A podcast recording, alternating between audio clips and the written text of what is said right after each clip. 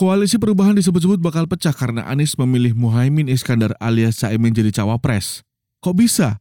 Kemudian ada juga proyeksi inflasi hingga akhir 2023 hingga momentum polusi udara bakal bikin Pertamina menghilangkan Pertalite.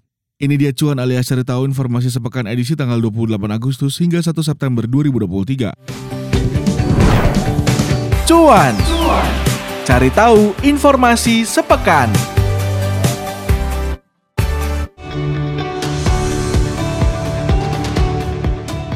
Berita pertama, anggota Majelis Tinggi Partai Demokrat Syarif Hasan menyebut pihaknya akan menurunkan baliho bergambar Anies Baswedan. Dampak dari dipilihnya Muhaimin Iskandar alias Caimin sebagai cawapres Anies Baswedan. Anies disebut-sebut dianggap telah mengkhianati partai berlambang Mersi itu. Walaupun banyak di daerah yang sudah memampang baliho yang memperlihatkan kedekatan Ketua Umum Partai Demokrat AHY dengan Anies. Sebelumnya, Sekretaris Jenderal Partai Demokrat Tengku Rifki Harsha menjelaskan Anies secara sepihak telah menerima Ketua Umum Partai Kebangkitan Bangsa Mohaimin Iskandar alias Caimin menjadi cawapresnya. Padahal, awalnya Anies sudah berkomitmen akan pilih Ketua Umum Partai Demokrat Agus Harimurti Yudhoyono atau AHY untuk menjadi cawapresnya. Merespons hal tersebut, pengurus Dewan Pimpinan Cabang Partai Demokrat Kabupaten Situbondo, Jawa Timur juga melucuti puluhan baliho bergambar AHY dan Anies Baswedan setelah Ketua Umum Partai Nasdem memilih Muhaimin Iskandar sebagai bakal calon wakil presiden mendampingi Anies. Ketua DPC Partai Demokrat Kabupaten Situbondo Janur Sastra mengambil sikap tegas dengan menurunkan semua baliho bergambar Anies AHY yang tersebar di seluruh kecamatan dan desa kabupaten setempat. Tak hanya itu, DPC Demokrat Situbondo juga mulai men-take down semua unggahan di beberapa aplikasi media sosial akun Demokrat Situbondo yang menayangkan sejumlah video yang menggambarkan kedekatan antara Anies Baswedan dan Agus Harimurti Yudhoyono bahkan di aplikasi TikTok. Kita lanjut berita kedua.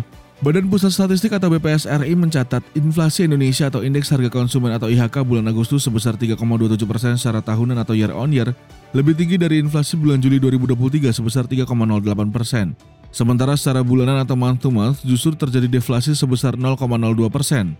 Deputi Bidang Statistik Distribusi dan Jasa BPS, Puji Ismartini mengatakan inflasi masih tergolong terkendali meski terjadi tekanan dari komponen harga yang bergejolak serta masih tingginya inflasi dari komponen harga yang diatur pemerintah.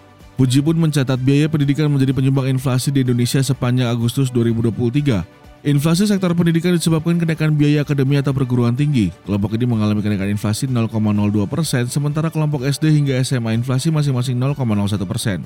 Inflasi kelompok pendidikan memang terjadi pada Juli hingga September kala aktivitas pendidikan menjalankan tahun ajaran baru. Selain pendidikan, kelompok transportasi mengalami inflasi yang cukup tinggi secara tahunan atau year on year. Inflasi transportasi secara tahunan mencapai 9,65 persen year on year dengan andil kepada inflasi sebesar 1,18 persen. Inflasi di sektor transportasi disebabkan beberapa hal seperti kenaikan harga BBM, tarif transportasi darat, dan juga udara. Angka ini juga sejalan dengan jumlah perjalanan transportasi penumpang yang juga mengalami kenaikan di Agustus 2023. Adapun inflasi Indonesia pada 2023 disampaikan oleh Bank Indonesia akan terkendali. Laju inflasi di dalam negeri diperkirakan akan terus menurun dan mencapai tingkat 3% pada akhir 2023. Gubernur Bank Indonesia Peri Warjo mengatakan pihaknya memperkirakan inflasi pada sisa 2023 akan tetap terkendali dalam akhir sasaran 3 plus minus 1 persen dan akhir tahun diperkirakan sekitar 3 persen. Kemudian Peri juga mengatakan laju inflasi pada 2024 ditargetkan akan terjaga tetap rendah pada kisaran 2,5 hingga 3,5 persen. Adapun sikap Bank Indonesia akan inflasi merupakan kebijakan yang penting, karena menurut Peri, inflasi Indonesia yang rendah merupakan faktor yang sangat penting untuk mendukung pertumbuhan ekonomi dan kesejahteraan rakyat.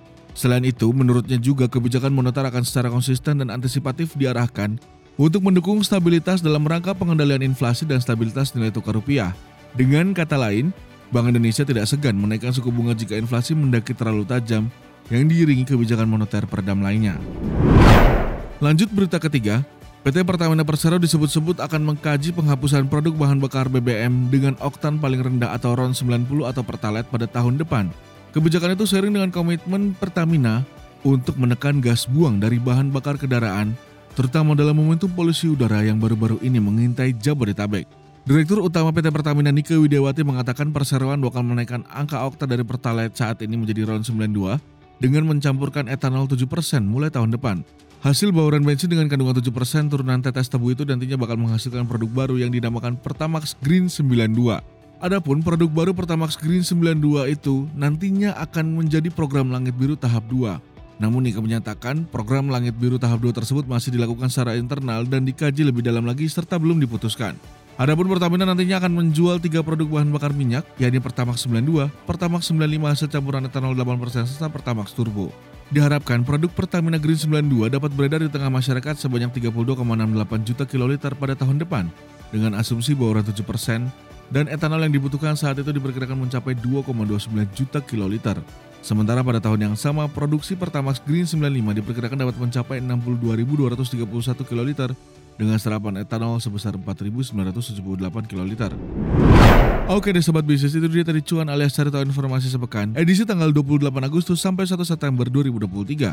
Jangan lupa buat dengerin terus broadcast podcastnya Bisnis Indonesia dan follow broadcast lewat platform podcast kesayangan Anda bisa lewat Apple Podcast, Google Podcast, Spotify, dan jangan lupa juga buat follow broadcast di Instagram at buat tahu informasi-informasi lengkap lainnya. Dan kalau misalkan Anda pengen tonton versi video broadcast, bisa juga langsung datang ke YouTube channel Bisniscom. Ada juga video-video menarik lainnya dan juga informasi-informasi penting lainnya yang bisa Anda nikmati. Dan jangan lupa juga ya, buat like, komen, dan juga subscribe YouTube channel Bisniscom. Saya Kadang Adrian, see ya!